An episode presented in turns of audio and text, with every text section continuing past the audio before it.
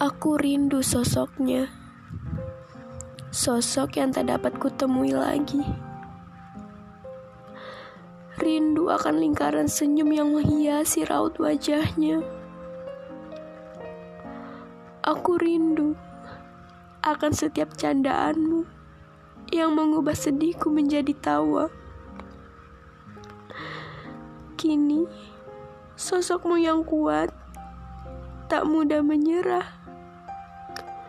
Walau kerap kali tertimpa musibah.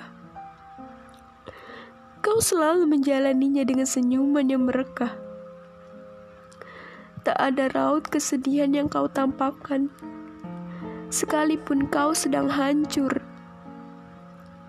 Kau tetap berusaha agar tak terlihat lemah di depan anak-anakmu. Kini, sosokmu yang tangguh terkulai lemah tak berdaya di atas ranjang rumah sakit.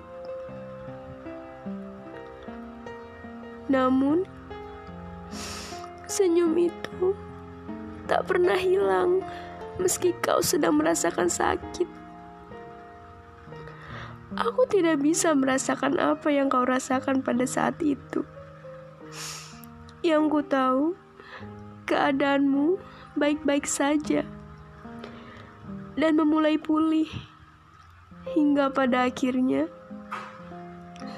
ayah menelponku saat aku bekerja untuk memberikan kabar duka. Jika kau sudah berpulang detik itu, aku hancur.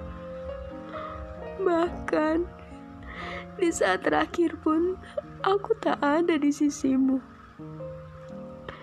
Tangisku pecah. Aku tak peduli jika aku berada di keramaian.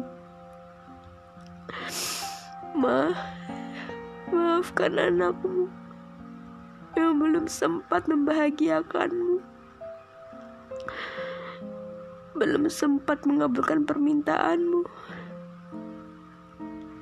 Namun kau sudah terlebih dahulu pergi meninggalkanku.